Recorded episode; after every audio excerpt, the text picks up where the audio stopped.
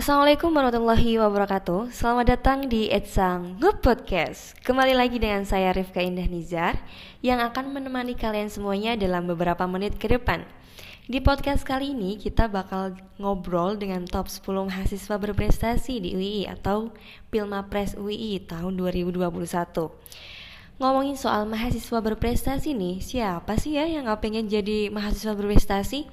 Tentunya hal itu adalah impian bagi seluruh mahasiswa. Kenapa? Karena itu akan mendatangkan banyak manfaat bagi kita dan sekaligus menjadi kebanggaan tersendiri lah ya pada diri kita sendiri dan juga bisa membuat kedua orang tua bangga, terus membuat para dosen bangga dan mengharumkan nama kampus kita. By the way, kalian pernah gak sih dengar istilah Pilmapres itu? Nah, di podcast kali ini kita bakal kedatangan tamu spesial banget nih. Siapa dia? Langsung saja kita sambut. Ini dia Kak Cynthia. Halo Kak Cynthia. Halo Rifka, apa kabar? Alhamdulillah baik. Kak Cynthia gimana kabarnya? Alhamdulillah sehat. Nah, jadi guys, Kak Cynthia ini adalah top 10 mahasiswa berprestasi di UI 2021. Dia dari PBI angkatan 2018. Nah, Kak, jadi mungkin teman-teman ini kayaknya masih belum pada ngerti nih Pilmapres itu apa sih? Karena dari aku sendiri nih ya kayak pertama pas baca Pilmapres itu aku sepahaman aku tuh kayak oh alah presiden mahasiswa gitu ya. Pilihan presiden mahasiswa kayak BEM gitu. Nah, tapi sebenarnya enggak kan? Itu boleh Kak jelasin ke kita semua sebenarnya apa sih Pilmapres itu? Oke, siap. Jadi sebenarnya singkat eh, singkatnya dari Pilmapres itu sendiri adalah pemilihan mahasiswa berprestasi. Nah, ini nih selalu diadakan oleh semua univ, termasuk Universitas Islam Indonesia ya. Nah, jadi uh, apa namanya kayak aku kemarin juga ikutan gitu kan. Nah, alhamdulillahnya kemarin itu terpilih di urutan ke-6 gitu. Dan dari PBI sendiri itu ada tiga loh, ada tiga mahasiswi. Nah, tiga-tiganya alhamdulillah ini jadi finalis Pilmapres gitu. Wow, keren banget nih guys. Di ranking 6 ya kayak tadi ya? Iya. Oke, jadi katanya sendiri ya, Pilmapres, pilihan mahasiswa berprestasi. Nah, berarti kan itu pasti ada kriteria atau persyaratannya. Mm -hmm. Itu apa aja Kak persyaratannya? Nah, oke. Okay. Nah, jadi kalau di sini tuh kan kita diseleksi dulu kan. Nah, itu tuh diseleksinya yeah. itu kayak dilihat dari berkas-berkasnya dan terutama juga di karya tulis ilmiah gitu. Nah, jadi kita harus bikin yang namanya itu gagasan kreatif. Itu uh, disarankan untuk selinear sama jurusan kita. Nah, kalau misalnya nih aku kan dari jurusan pendidikan bahasa Inggris. Jadi alangkah baiknya aku tuh harus buat karya tulis ilmiah yang selinear dengan pendidikan lebih baik lagi kalau bisa selinear dengan bahasa Inggris kayak gitu. Nah, terus abis itu di samping dari teman-teman itu harus nyiapin kayak uh, berkas-berkasnya. Nah, maksudnya apa? Maksudnya kayak uh, misalnya nih kamu aktif organisasi gitu. Nah, itu bisa kok dimasukin. Ataupun uh, kayak misalnya kamu aktif dalam lomba atau aktif dalam conference gitu itu juga bisa dimasukin tingkat apa pun gitu. Nah, kayak misalnya tingkat di tingkat regional pun juga bisa dimasukin. Tapi kalau misalnya kamu pernah let's say juara gitu di internasional atau nasional itu akan mendapatkan nilai yang gede sih gitu. Jadi juga dilihat dari tingkat kompetisinya itu, tingkat prestasinya itu gitu. Oke, jadi tadi ya kayak ada gagasan kreatif, terus ada prestasi dan hmm. masih banyak lagi sebenarnya. Nah, komponen yang paling unggul dari semua itu apa Kak? Komponen penilaiannya? Nah, itu tuh sebetulnya ada kayak beberapa komponen juga ya. Nah, itu salah satunya juga ada IPK. Cuma kalau IPK itu bebannya lebih kecil daripada gagasan kreatif sama prestasi gitu. Jadi uh, kayaknya tuh pas kayak gagasan kreatif itu kan itu kan kamu harus bikin gagasan kreatif dan juga kamu harus ngepresentasiin. Nah, presentasinya itu yeah. dibagi jadi dua tahap nih. Jadi hari pertama itu aku ingat banget itu tuh harus kamu ngepresentasiin gagasan gagasanmu itu dalam bahasa Indonesia. Nah, untuk hari kedua itu harus bahasa Inggris. Itu jadi kayak full bahasa Inggris gitu loh. Dan semua wow. peserta pun juga harus bahasa Inggris gitu. Gitu. Oke, jadi komponen yang paling tinggi itu gagasan kreasi sama apa tadi sama prestasinya ya kak ya? Iya benar. Nah kalau boleh tahu kak uh, apa aja sih Kak prestasi yang Kak Cynthia raih selama ini? Oke, nah jadi kan kalau di Pilmapres kemarin itu ada limitasinya ya gitu. Jadi nggak hanya misalnya nih ada orang punya 20 prestasi, nah itu nggak bisa 20-20 dimasukin. Jadi kayak kalau nggak salah nih harus top 10 prestasi yang dia miliki itu dia masukin gitu. Nah kalau kemarin itu aku masukinnya itu uh, prestasi-prestasi sama beberapa pengalaman organisasi. Tapi kalau misalnya prestasi itu aku masukin itu aku pernah apa namanya jadi juara harapan kedua di di karya tulis ilmiah tentang pendidikan gitu. Itu diselenggarakan sama UNJ. Nah, terus di samping itu aku juga ngelampirin prestasi di lomba debat gitu. Nah, itu lomba debat tingkat nasional itu diadakan sama Hasan uh, Universitas Hasanuddin. Terus yang satu lagi itu aku lampirin lomba uh, tingkat regional, jadi tingkat Jogja gitu. Itu namanya uh, National University Debating Championship itu tahun 2020 itu di, itu diselenggarakan sama Kemendikbud kalau yang National University Debating Championship gitu. Terus ada beberapa wow. sih.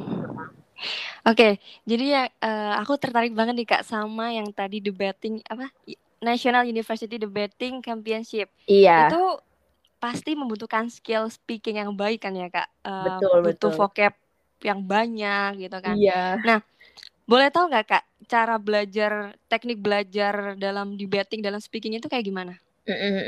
Nah kalau di jadi gini kalau aku itu kan kebetulan memang uh, anggota masih anggota aktif di organisasi yang namanya itu English Debating Society.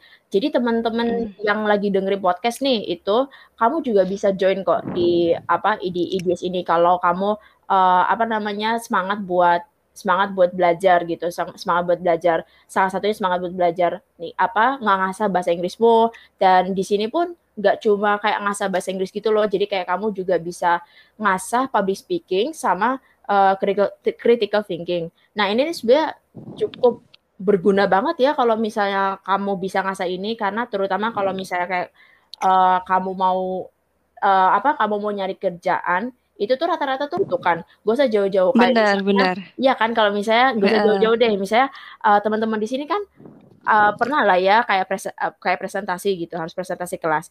Nah itu kayak kamu harus bisa untuk menyampaikan materi yang bisa membuat audiens itu ngerti gitu. Kan tujuan untuk kamu menyampaikan materi itu kan biar audiens bisa paham kan. Nah, kalau di tempat ini di maksudku di tempat organisasi yang aku join ini itu kami tuh dilatih gitu. Nah, jadi uh, kayak apa sih yang aku siapkan buat lomba ini?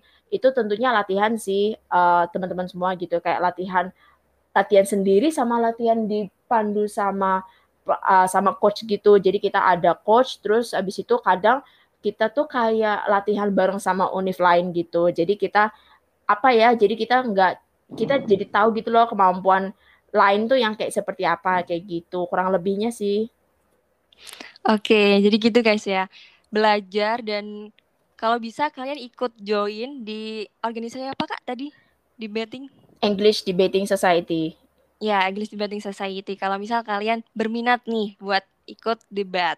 Nah, mm-hmm. satu lagi Kak, aku penasaran juga nih sama yang tadi karya tulis ilmiah. Itu kan mm-hmm. membutuhkan skill skill writing ya Kak ya. Itu boleh nggak Kak uh, kasih tahu ke kita gimana sih cara belajar menulis yang baik, menulis karya uh. tulis yang baik gitu?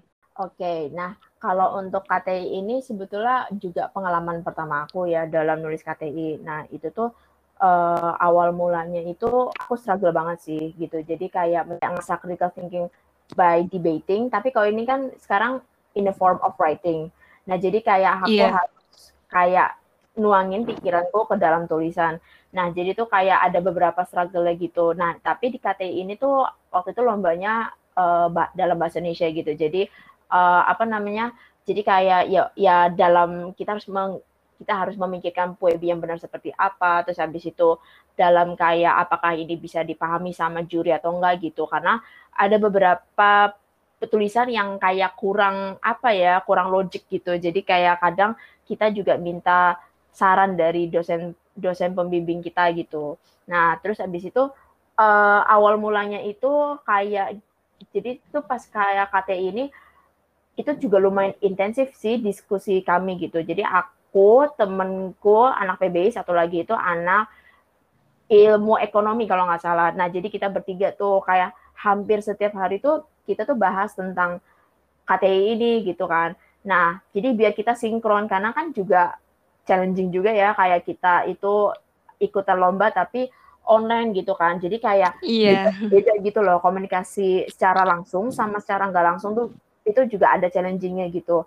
Belum lagi kalau misalnya kayak ada instruksi interupsi apa gitu kan, nah kayak gitu. Nah jadi kita uh, janjian gitulah, pokoknya kayak tiap jam berapa itu kita kayak ngomongin gitu. Nah terus abis itu pokoknya kita ngerjain ngerjain ngerjain, terus kita kayak ngebagi ngebagi bagian-bagian kita gitu.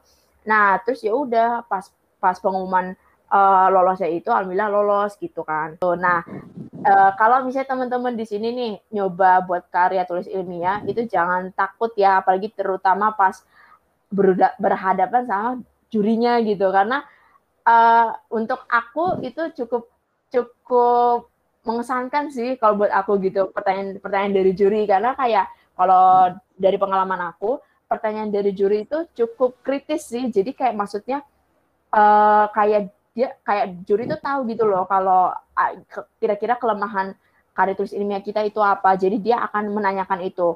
Kalau misalnya teman-teman nggak aware sama kelemahannya karya tulis ilmiah mau apa, akan cukup sulit sih untuk menjawabnya gitu. Dan itu akan mengaruhi nilai penilaian presentasi presentasinya gitu. Jadi alangkah baiknya tuh kamu sama teman-temanmu nanti kalau sebelum presentasi ya kayak apa ya kayak analisa kembali gitu loh kayak ini kira-kira yang akan ditanya juri itu apa ya gitu. Jadi sebenarnya ya jangan takut sih soalnya kan ad, ad, bareng temen juga kan gitu. Jadi ya nggak usah tak nggak usah dibawa tegang lah gitu. Nah menjadi seorang mahasiswa berprestasi tentunya bukan hanya soal nilai saja bukan soal IPK saja tapi harus diimbangi dengan kegiatan-kegiatan organisasi mengikuti perlombaan dan masih banyak lagi.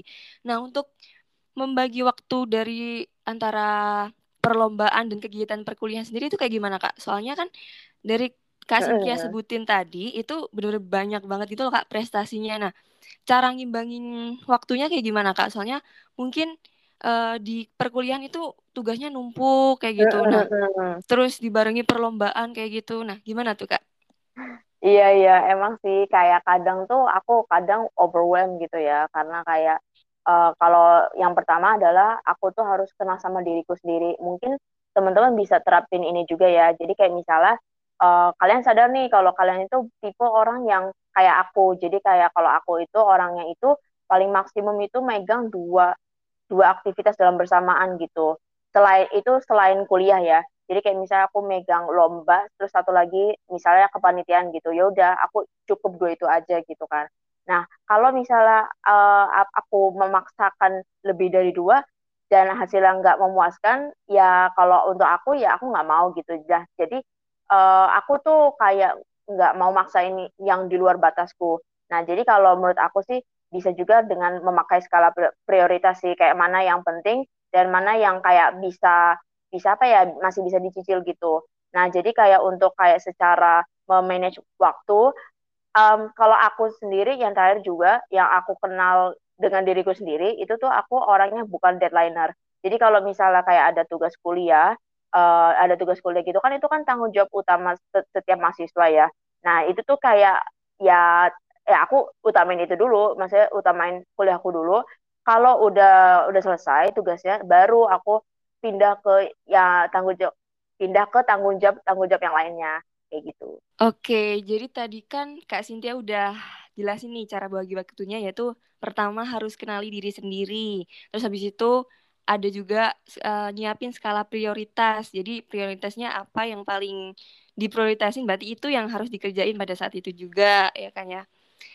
Nah, Kak, uh, menjadi seorang Pilmapres UII, apa aja sih keuntungan atau manfaat yang Kak Sintia rasakan selama ini?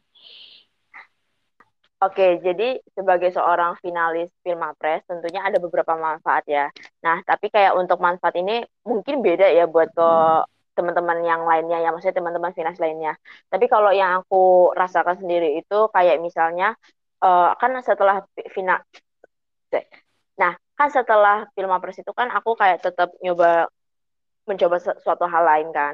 Nah kayak misalnya waktu itu nggak jauh lama kemudian tuh ada yang namanya Pilmapres tingkat fakultas gitu. Nah jadi setelah aku udah ngikutin yang namanya Pilmapres itu, aku nyoba nih beberapa kegiatan lainnya gitu kan. Nah terus kalau aku itu nyoba yang pertama itu Pilmapres tingkat fakultas gitu. Nah, waktu itu aku kayak nyoba kategori yang khusus untuk karya ilmiah gitu. Nah, alhamdulillah waktu itu dapat sih title yang untuk Mapres khusus karya ilmiah ju juara yang ketiga gitu kan. Nah, habis itu setelah itu aku nggak lanjut lomba-lomba lagi ya untuk saat ini gitu. Nah, jadi aku saat ini tuh lebih fokus ke kayak lebih terjun ke lapangan gitu.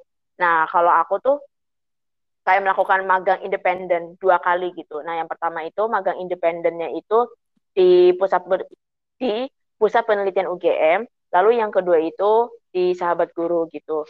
Nah, kalau untuk keduanya ini kebetulan sama-sama kayak nggak selalu WFH gitu sih meskipun di pandemi gitu. Nah, jadi kadang tuh aku karena masih di Jogja ya, jadi kayak kadang aku ke kantor kantornya mereka gitu.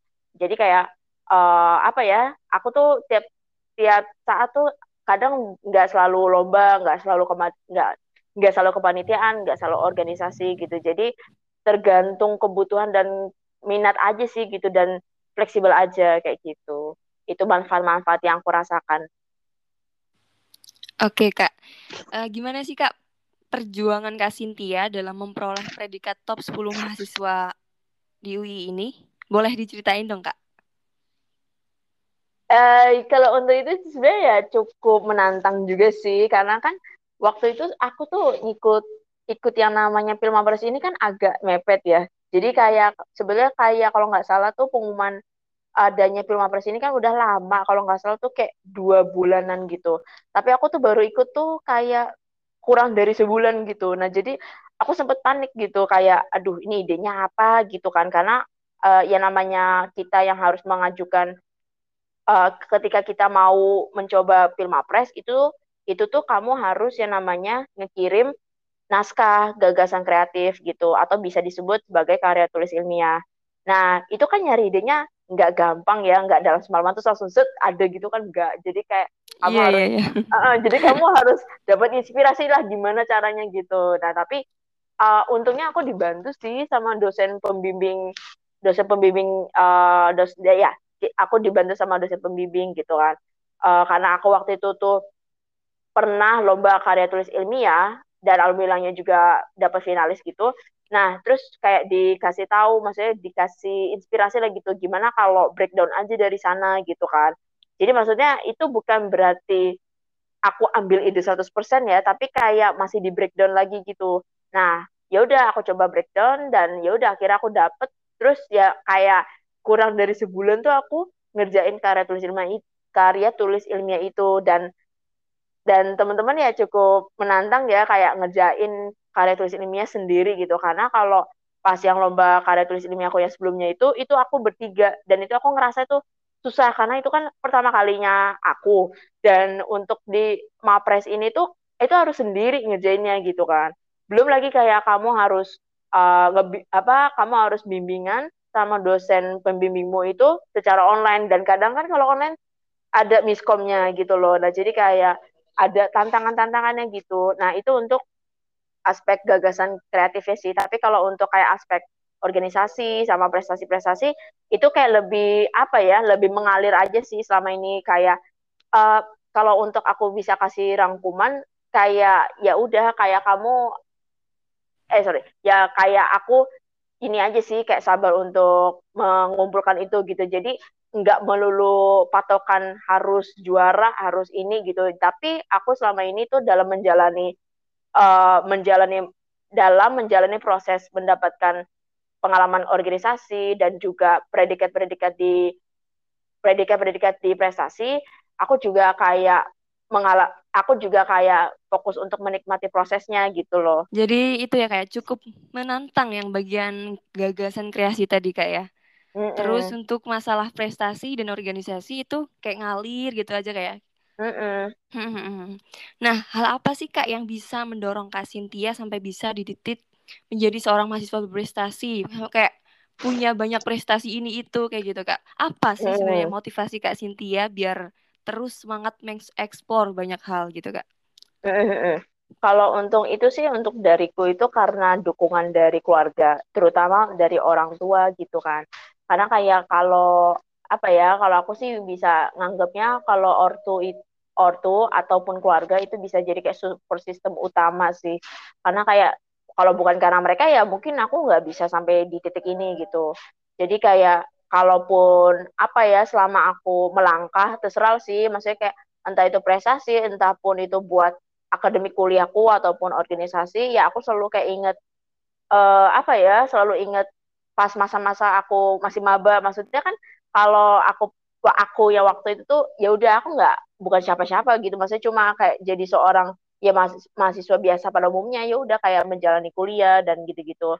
Dan kayak um, cukup panjang perjalanannya gitu. Tapi kayak kalau bukan karena apa ya bukan karena support mereka dan mereka juga ngasih encouragement ke aku ya aku nggak akan berani untuk uh, untuk melangkah sejauh ini setitik ini gitu jadi kayak penting banget sih teman-teman buat apa ya buat tak buat menjadikan seseorang atau siapa pun itu untuk jadi kayak support systemmu dan juga kayak tempat di mana kamu kalau capek ya kamu ya, cerita atau curhat gitu ke mereka gitu. It doesn't have to be family sih, tapi kalau in tapi kalau di kasus aku ya lebih banyaknya sih ke keluarga.